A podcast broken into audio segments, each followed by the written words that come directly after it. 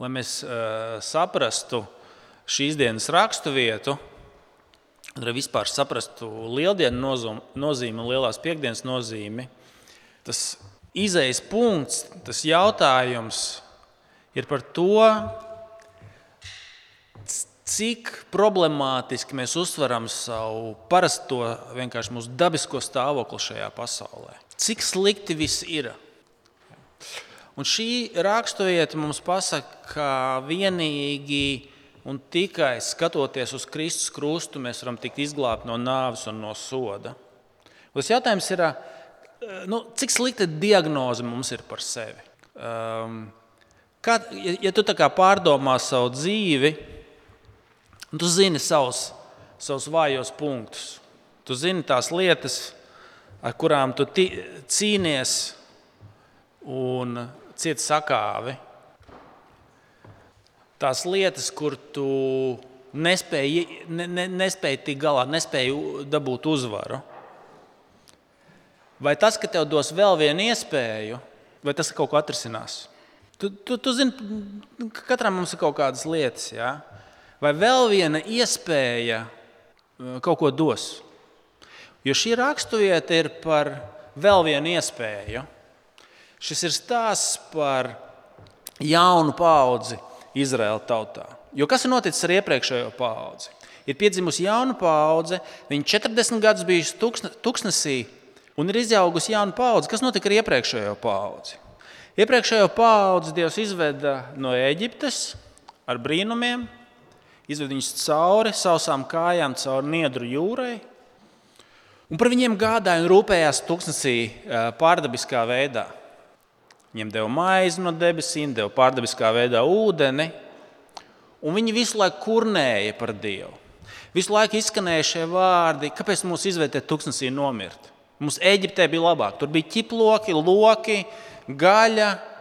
Kāpēc, kāpēc tu gribi, lai, lai mēs šeit nomirstam tūkstnesī? Par spītam, ka Dievs visu laiku par viņiem rūpējās. Ja? Un tad punkts uh, visam ir tajā, pieliek tas, ka Viņi tagad pienāk pie kanānas, pie apsolītās zemes, un viņi sūta izlūkus. Lai patiesībā atnestu labu liecību, cik šī zeme, ko Dievs viņam vēlās dot, ir, ir bagātīga un laba. Un izlūk atnāk atpakaļ, izņemot Kālebu un Jozo. Visi saka, tie, tie tur ir tie, tie tautas, kas tur dzīvoja varenas un milzīgas, un Dievs mūs šeit ir atvedis nogalināt. Viņi atkal netic Dievam. Un Dievs saka, labi, Es pielieku punktu šim, šim, šim pasākumam. Neviens no šiem cilvēkiem, neviens no šīs paudzes neieies apsolītajā zemē, iz, izņemot šos divus, Kalbu un Jozo. Un visi viņi paliek tuksnesī. Visi paudzes tur nomirst. Visi šī paudze, kuras Dievs izved no, no, no, no Eģiptes, tur arī nomirst. Viņi paliek tuksnesī, 40 gadu tuksnesī. Un tagad ir jauna paudze izaugusi. Atcerieties, ar ko mēs sākām. Ja dos vēl vienu iespēju, ja viss sāksies no sākuma, cik daudz viss būs labāks? Tas pat attiecās, kāpēc es saku, ir rakstiet par vēl vienu iespēju. Un tev, iedomājies sevi, ja? tev dos vēl vienu iespēju. Vai viss atrisināsies pēkšņi? Es jums došu lielāku, pat pacelsim nākamajā līmenī. Šai pasaulē, ja mēs paskatāmies uz pasaules vēsturi, vai šai, ja šai pasaulē dos vēl vienu iespēju, vai viss atrisināsies? Es kaut kad atcerieties, uh, Nesen pieminēju šo Francis Fukujamas grāmatu, ko viņš sarakstīja 92. gadā, uh, uh, kas saucās Vēstures gals vai Vēstures beigas. Pēc Berlīnas mūra nojaukšanas, kad bija lielais šis konflikts starp rietumiem un, un, un, un, un austrumiem par Varšavas pakta bloks, kur bija Padomu Savienība, Polija, tātad padomu šīs valstis ja, un rietumi. Un Francis Fukujama pēc tam, kad Berlīnas mūrs bija kritis, kad Padomju Savienības austrumu bloks e, izjuka un pieņēma rietumu kultūras demokrātiju un tās vērtības, Francis Fukujama uzrakstīja vēstures gals. Viss. Šis konflikts ir beidzies. Rie, visa pasaule tagad ies pa rietumu pasaules liberālās demokrātijas ceļu. Ja? Tagad viss būs vēsture beigusies, konflikta vairs nebūs. Nu, es, gribu, es domāju, mēs visi esam bijuši uh, atsliecinieki tam, ka šo, mēs varētu teikt, vēl vienu labo iespēju pasaulē, viņi tā kā neizmantoja. Tāpat ir bijuši kari, tāpat ir bijuši vardarbība, tāpat tas pats, ko mēs šodien no, no, novērojam. Ja? Ja, tu, ja tu skaties, kas dos pasaulē šo glābšanu, tev personiski, bet arī globāli, ja mēs skatāmies. Un šī raksturvieta mums atgādina to, ka pirmkārt, vēl viena iespēja tev neko neatrisinās. Vēl viena iespēja šai pasaulē neko neatrisinās, neatrisinās, jo cilvēka daba jau paliek tā pati. Cilvēka daba paliek tā pati. Tāpēc, ka vēl viena iespēja tev un šai pasaulē neko nedos. Paskatieties, ar ko sākas šī raksturvieta, ko mēs tikko lasījām no, tātad, par Izraēlu tautu, no, 3, no 4. mūzes grāmatas, ja šī ir 21. nodaļa. Kas notiek ar šo jauno paudzi? Viņi dara visu tieši to pašu, ko iepriekšējā paudze. Dievs par viņiem rūpējās, un ko viņi dara? Viņi kurna pret Dievu, viņi kurna pret mūzu, ka Dievs par viņiem nerūpējās, ka viņiem viss ir apnicis, kad Eģiptē bija labāk, un ka viņiem viss ir apriebies. Respektīvi, ja cilvēcei dos vēl vienu iespēju, ja tev dos vēl vienu iespēju, nekas nemainīsies. Tu tāpat turpinās darīt visu to pašu.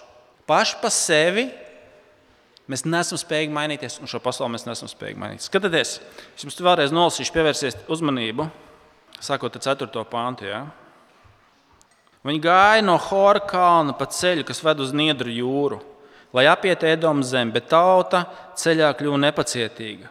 Un tauta runāja pret Dievu un Mūzu. Kāpēc tu mūs izved no Ēģiptes, lai mēs mirstam tuksnesī? Jo šeit nav maizes un ūdens, un mums riebi šis sliktais ēdiens. Viņi atkārto tieši visu to pašu, ko iepriekšējā uh, paudze darīja. Eģiptē bija labāk, šeit mums ir slikti. Tas ēdiens, ko tu mums dod, ka arī tas ir brīnumainā kārtā, tu par, par mums gādā šeit tuksnesī. Nekurienē viņi staigā joprojām par nekurieni, ja? joprojām par tūkstnesi. Mums ir viss apriebies. Eģiptē bija labāk. Citiem vārdiem sakot, Viņi dara visu to tieši to pašu, ko, ko iepriekšējā paudze. Vēl viena iespēja, jauna vēl viena iespēja, neko neatrisinās. Cilvēki ir tieši tādi paši, mēs esam tieši tādi paši. Atstāti pašā savā ziņā, pat ja mums dod vēl vienu iespēju, tas mūs neizglābs. Tā ir, tā ir mūsu tā ir diagnoze, tā ir, tā ir Bībeles diagnoze par mums un par šo pasauli. Otra lieta, ko mēs redzam, ka joprojām, tāpat kā cilvēki nemainās, tāpat kā pasaulē vēl viena iespēja neko nedos. Grēka alga joprojām ir tā pati. Grēka alga ir nāve. Skatieties, sastais pants. Un tas kungs sūtīja tautā ugunīgas čūskas, un tās koda ļaudis, un no Izrēlā nomira daudz ļaužu. Ko Dievs saka? Sots par šo sacelšanos, sots par šo kurnēšanu, tieši tāpat kā iepriekšējai paudzei. Vēl viena iespēja, no ko nav devusi. Tāpat, tāpat kā iepriekšējā paudze gāja bojā dēļ savu grēku. Tāpat arī nākamā. Ja? Joprojām grēka alga joprojām ir nāve. Joprojām šis sots, šis sots nav mainījies. Un ziniet, kas ir? Kāpēc tieši čūskas? Kāpēc Dievs? Sūta tieši čūskas. Kāpēc šis soda instruments varētu teikt? Ja? Kāpēc, kā, kā viens komentētājs teica, mūsu labs draugs Iens Dūgas, viņš teica, ne jau tāpēc, ka vienkārši tuksnesī viņas bija pie rokas dievam. Ja? Kāpēc tieši čūska? Kāpēc čūska? Viņš saka, atcerēsimies, kur pirmā kurnēšana notika. Kur notika pirmā kurnēšana? Viņa notika paradīzes dārzā, pirms grēkā krišanas. Izmantojot čūsku, nāk vēlns un cilvēkam saka, zini ko? Dievs jau par tevi nerūpējās. Te nav gana labi. Ja tu būtu Dievs, tu zinātu, kā par sevi rūpēties. Īstenībā Dievs labākās lietas tev grib nedot. Ja? Pirmā kurnēšana, ko iesēja vēlns cilvēka sirdī, ir caur, caur čūsku. Tas tā nav nejaušība, ka Dievs izmanto tieši čūsku šeit, lai pateiktu, paklausieties, Kur tas viss sākās? Kur tas sākās? Paradīzes dārzā. Iedomājieties, paradīzes dārzā bija tikai viena izvēle, kas varēja būt slikta. Tas ir ēst no šī ļauna un laba atzīšanas koka. Padomā, cik tev šodien vienas dienas laikā ir sliktas izvēles pieejamas. Ja? Un to viņas arī, diemžēl, izmanto. Tur viņiem bija viena izvēle, kas bija, kas bija vispārējais, bija labi, paradīzes dārzs. Un pat tur vēlams spēja iesēt cilvēkam neat, neapmierinātību viņa sirdī. Tad padomājiet, arī šodien, kas ir tas, kas tev um, izglābs? Saprotu, tu vari atrasties paradīzes dārzā šodien, un tu tā būtu neapmierināts. Cilvēks pat visideālākajos apstākļos, vis, vis, visbrīnišķīgākajās lietās, joprojām jutīsies neapmierināts. Es jums esmu lietojis šo piemēru no, no, no sporta pasaules, no, kur, kur Deivids. Uh, Uh, Deivs Bekers, tenisists, ja, kurš, kurš līd, pirmais tīnis, kurš bija uh, tri, trīs reizes pēc kārtas vinējis Wimbledonu. Ja, un, un viņš saka, es gribēju uztaisīt pašnāvību. Viņš ir sasniedzis tīņa vecumā visus iespējamos augstumus, un viņš joprojām jūtas nelaimīgs. Paklausieties, ko, ko cilvēki uh, saka, kas ir kas, kas, ka kāds tukšums. Viņš, viņš saka, es sasniedzu vislielāko sapni savā dzīvēm Viņš jūtas pilnīgi tukšums savā dzīvē. Pat visideālākajos apstākļos ienāca kurnēšana. Šī, šī čūskas viņas atgādina par to. Kas būs tas, kas tev glābs no tā? Ka, ka, ka, no kurienes tas nāks? Ne jauna mašīna, ne jauns ceļojums, ne jauns uh, dzīves biedrs vai vēl kaut kas, vēl kaut kas, vēl kaut kas. Ja? To nespēja atrisināt. To nespēja atrisināt. Patiesībā cilvēks vienmēr saglabās savā sirdī, tu un es, šo iespēju būt nelaimīgiem joprojām neapmierinātiem, joprojām nepateicīgiem un tā tālāk. Un tā tālāk ne? Viņš saka, šis čūskas ir, ir būtisks tajā ziņā. Otrakārt, otrkārt jā, tas viņiem atgādina par šo grēkā krišanu. Tas viņiem atgādina, no kurienes tas viss nāk. Tas atgādina par, par grēkā krišanu. Šis čūskas, kas viņus sakoši. Trešā, trešā lieta, ko es par tādām čūskām gribu izcelt, kas mūs novadīs pie, pie tā risinājuma. Pirmkārt, viņi ir pilnīgi bezspēcīgi. Tad, kad viņš ir sakosts, viņi ir absolūti bezspēcīgi. Tas, tas ko šī epizode mums izceļ, šī, šī, kāpēc šeit ir čūskas svarīgas, ka cilvēks ir nespējīgi te kaut ko mainīt šajā situācijā. Ko viņi var darīt? Ja? Viņš ir sakosts. Viņš ir nespē... Viņi tajā brīdī, cilvēks, viņš nekādīgi sev nevar glābt reāli. Viņš jau tikai gaidīja, ka iestāsies nāve. Ja? Tāpat arī cilvēks šobrīd ir Tā kā nezinu, puķis, ko tu esi nogriezis dārzā ielicis vāzē, viņas vēl kādu brīdi izskatās dzīves, bet viss pro, nāves process jau ir sācies. Jā, viņi, ne, viņš nav apturams vairāk.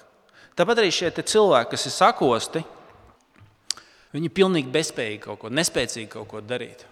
Tāpat arī tu un es un šī pasaule pat no sevis uh, ir nespējīga šī stāvokļa priekšā, šī kritušā stāvokļa nāves priekšā, pilnīgi nespējīga. Bet labā ziņa, ka viņiem ir, viņiem ir, viņiem ir starpnieks. Ievērot, viņi nāk pie Mūzes un saka, Mūzu, mēs esam grēkojuši. Mēs esam grēkojuši, mēs kurnējam pret tevi un pret Dievu. Iestājies par mums. Un tā ir viena no Bībeles tēmām, ko mēs redzam, ka, lai mūs izglābtu, cilvēcei ir vajadzīgs starpnieks. Un Mūzes šeit mums norāda uz labāku starpnieku, uz Kristu.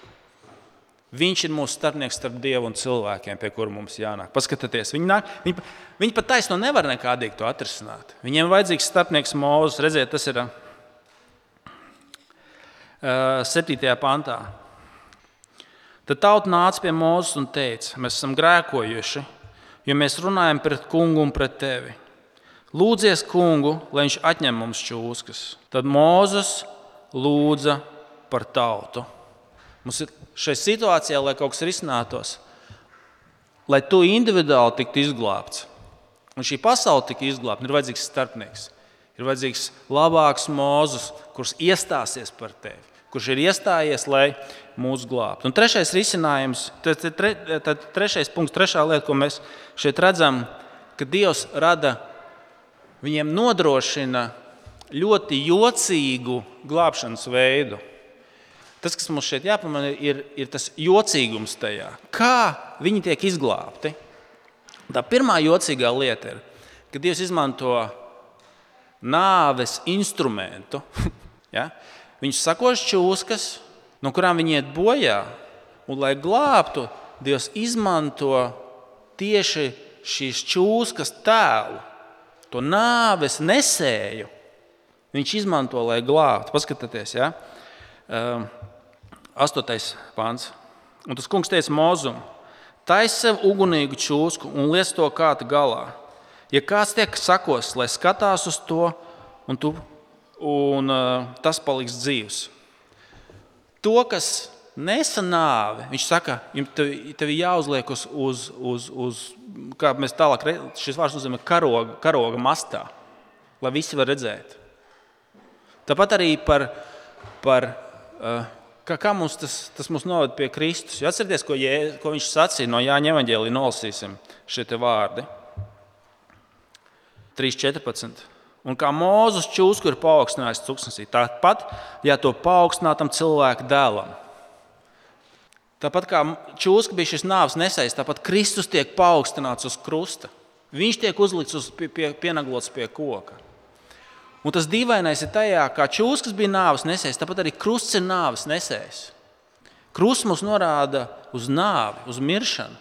To, kas nes nāvi, Kristus Tas, tas ir šis te paradoxālais, ka tas nav kaut kur cilvēcisks. Mēs domājam, ka tas kaut ko dos. Tas ir sakāvis. Tas bija, bija uh, visbriesmīgākais sakāves simbols. Romas pilsoņus nedrīkstēja nemaz sist krustā. Tas bija lielākais kauns. Tas, kur mēs cilvēciski nekad neiedomātos, es kādreiz jums esmu sacījis, ja cilvēks gribētu uzrakstīt Bībeli, viņš nevarētu. Ja cilvēks gribētu uzrakstīt, viņš nevarētu. Tas lietas, kas mums nekad cilvēciski neienāktu prātā ka no tā nāves nesēja var nākt mūsu glābšana. Ka Kristus krusts, kā viņiem čūs, kas tā mums Kristus krusts, var būt par glābšanu. Tā ir pirmā pārsteidzošā lieta. Mums nekad neienāk prātā, ka tas varētu mums atnest risinājumu. Otrakārt, ziniet, kāpēc šīs čūskas ir svarīgas? Tāpēc, ka atcerieties, es teicu, mums tas atgādina, mūsu to dod, lai mēs atskatītos uz uz eh, grēkā krišanas stāstu. Un čūska ir vienīgais dzīvnieks, tāpēc ka vēlams ar to darbojas, tad, kas saņem lāstu, kas tiek nolādēta. Čūska ir dzīvnieks, kas tiek nolādēta. Un mums tiek teikts, mēs redzam Bībelē, ka Kristus pie krusta tiek nolādēts. Tas Viņš mums kļūst par glābšanas avotu, tāpēc ka viņš tiek nolādēts mūsu vietā. Nolādēts ik viens, kas karājas pie koka. Kad Jēzus ir pie krusta, par visu zemi nonāk tums, tāpēc ka Dieva dusmas gulstās uz viņu. Par viņu nācis Dieva lāsts. Viņš tika nolādēts mūsu vietā, lai mēs varētu saņemt Dieva svētību. Tieši tas, kas ir lāsta un, un sakāves un nāves iemiesojums ir tas, kas mums atnes glābšanu. Tāpat kā šis čūskas bija nāves instruments, tāpat Kristus krusts ir nāves un lāsta instruments. Čūska ir nolādēta un Kristus pie krusta ir nolādēts. Ja?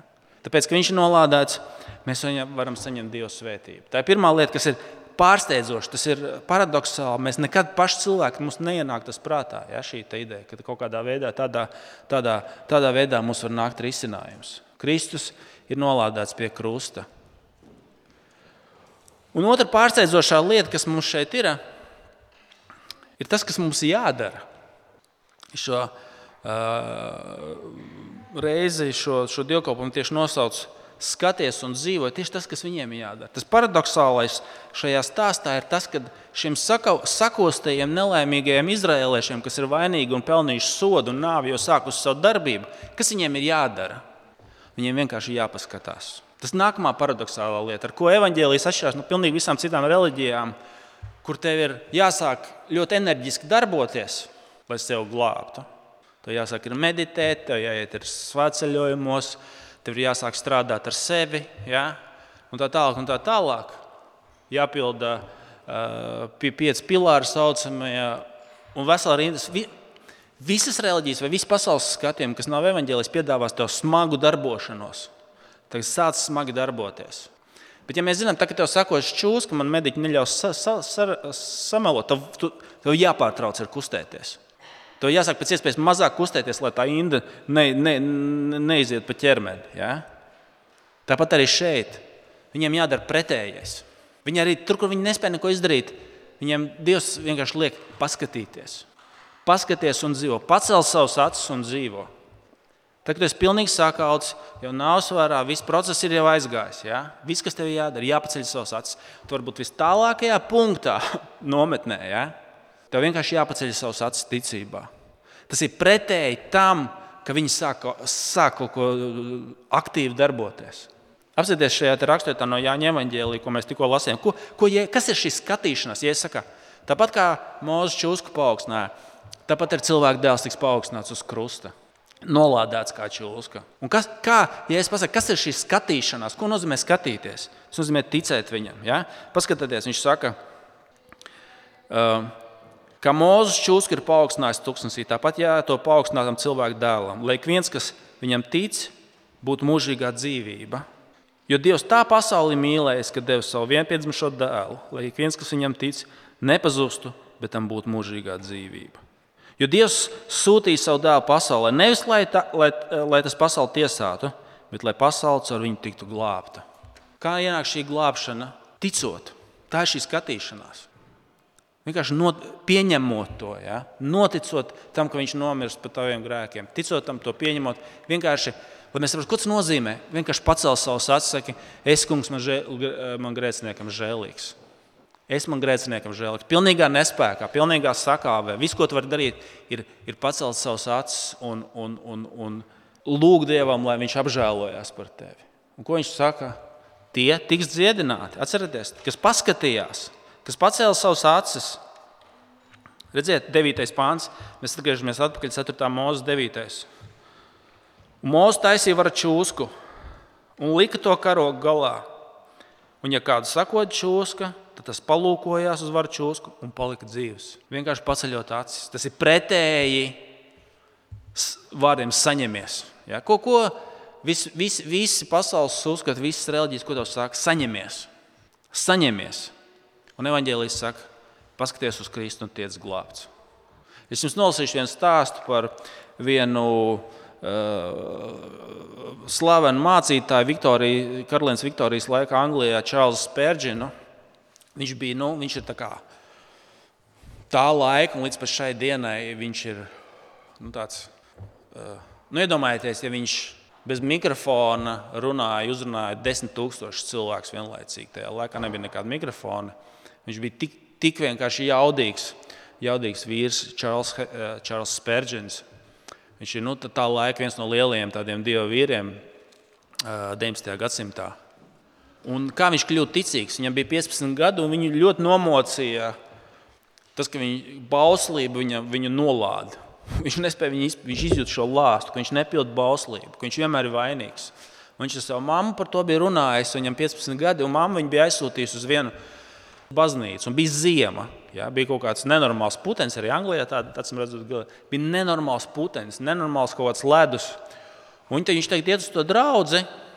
Viņš saprot, ka viņš līdz viņai vispār nevar aiziet. Un viņš iegriežas uh, pirmajā draudzē, kas tur bija. Tā bija metodists. Es teiktu, tas ir metodists ēkā. Viņš, bija, viņš iegāja metodistu baznīcā vienkārši tāpēc, ka viņš līdz tai baznīcai nevar tikt. Respektīvi, viņš ir Nepare, ir nepareizie laika apstākļi, viņš ir nepareizajā baznīcā. Tad, lai to turpinātu, tas mācītājs dēļ, tie, dēļ, tiem, dēļ puteņa nav spējis, nav varējis ierasties. Ir tāds putenis, kā mācītājs nav ieradies. Un viņi vienkārši, nu kādam jārunā, un viņi paņem uh, vienu Čārlis Pēčs. Es nezinu, vai viņš bija galdnieks vai viņš bija kurpnieks, bet viņam vienkārši viņu uzstūma tur tajā kancelē. Viņš neko nebija gatavojies. Pirmais, ko viņš atcerējās, ko viņš zināja, tas ir par šo pašu. Šī pati rakstot par šo skatīšanu no, no Iesaistas 25. nodaļas, kur, kur ir Jēzus pravietojumi par Jēzu, kuri vārdi skatieties uz mani visi zemes gali un tiekat glābti. Iesaistas 25. nodaļa. Skatieties uz mani visi zemes gali un tiekat glābti. Šī pati ideja. Un tā, kāpēc Spēļģins stāsta šo gadījumu? Jo viņš, tad viņš tika pestīts, viņš tika izglābts no šīs prediķa, ka viņš bija nepareizos laika apstākļos, nepareizajā baznīcā, nepareizais mācītājs. Ja? Viņš apraksta, kā viņš tika glābts. Tas ir arī tāds apraksts, ko, ko, ko nozīmē šī skatīšanās. Ko mums nozīmē palūkoties uz krustā sisto Kristu un būt glābtiem. Šis primitīvais, neizglītotais mācītājs iekāpa kancelē, paņem raksturvietu, kas viņam pirmā vienkārši ienāk prātā no iesaistīšanās 25. Viņš saka, tā, draugi, Šī patoš, tiešām, šis patiešām ļoti, ļoti vienkāršs teksts. Skaties! Skatīties taču nav grūti. Nav jāpaceļ ne roka, ne kāja. Tikai paskaties. Lai paskatītos, nav nepieciešama izglītība. Pat lielākais muļķis var paskatīties. Lai cik tu būtu vājš, lai cik nabaks, tu vari paskatīties. Ja tu paskatīsies, tev ir apsolījums, ka tu dzīvosi. Tad Spēļģins saka, tad viņš savā sulīgajā eseksa akcentā turpināja. Daudz no jums skatās sevi, bet tur gan nav nekādas jēgas skatīties. Skatoties sevi, tu neatradīsi nekādu mierinājumu. Citi saka, skaties uz Dievu Tēvu, bet tas taču ir Kristus, kas runā. Viņš saka, es esmu dārzā, ciešanās, nāvē izlaiž savu dvēseli, es mirstu pie koka par grēciniekiem. Skaties uz mani! Es esmu uzcēlies, skaties uz mani. Es sēžu pie tēva labās rokas. Ak, nabaga grēcinieki, skaties uz mani, paskaties uz mani. Paskatīties nav grūti, un, tas, un tā ir tā galvenā ideja. Šis čūskas mums pasaka, šie sakos tie cilvēki mums pasaka, ka visa pasaule, gan tu, gan es, mēs esam pilnīgi grēku un nāves vadā. Un vienīgais veids, kas to glābs, ja mēs paskatīsimies, vienkārši pacelsim savus acis, es man grēciniekam žēlīgs, uz nolādētu, mirstošu kungu, kas mirst par taviem grēkiem. Paskaties! Vienai daļai no jums tā nav jauna vēsts, bet tu, kā kristietis, ja? līdzīgi kā šī jaunā, pa, jaunā paudze. Tā brīdī liekas, ka tu vairāk ej atpakaļ nekā uz priekšu. Jūs nezināt, vai jūs pamanījāt, viņi iet atpakaļ uz Niedru jūru. Viņi liekas, ka viņi iet atpakaļ uz Eģipti. Viņi maldās pa tūkstnesi jau tik ilgi, ja? un liekas, ka viņi dodas atpakaļ pretējā virzienā. Tāpat arī tu kā kristietis vari tā sajusties. Un, un šī pasaule, liekas, ka mēs neesam necik tuvāk tai debesu valstībai. Ne, kā bērni pēc piecām minūtēm. Vai mēs jau atbraucām? Ja? Nē, mēs braucam uz Tallinu. Ja? Tu arī izjūti savu sakāvi un, un, un vājumu grēku priekšā. Un tu saproti, ka tev vēl viena iespēja neko nedos. Tev ir vajadzīgs glābējs. Arī tev, kristieti, šis ir atgādinājums, skaties uz Kristu. Skatieties uz mani, viņš saka, debesu gali, zemes gali un tie tiek glābti. Paskaties, kas paskatījās, tas, tas izdzīvoja. Un kāds no jums varbūt nekad nav paskatījies uz Kristu šādā veidā. Tu, arī tu zini, ka tev vēl viena iespēja neko nedos. Līdzīgi kā spēļņš, tu zini, ka tu vienmēr esi zem, zem